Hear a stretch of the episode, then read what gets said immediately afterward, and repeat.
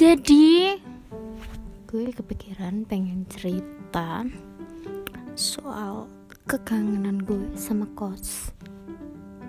Hmm, kalian, kalian hmm, yang anak-anak kos pasti pernah ngerasain kangen gitu nggak?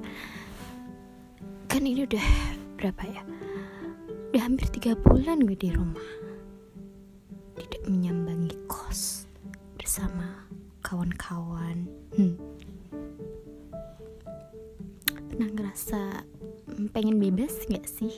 Kalau di rumah kan gak bisa ke mana-mana, apalagi emang ini gak boleh ke mana-mana ya. Boleh ke mana-mana aja, gue gak pernah ke mana-mana. Apalagi yang gak boleh ke mana-mana ya makin gak ke mana-mana. Ntar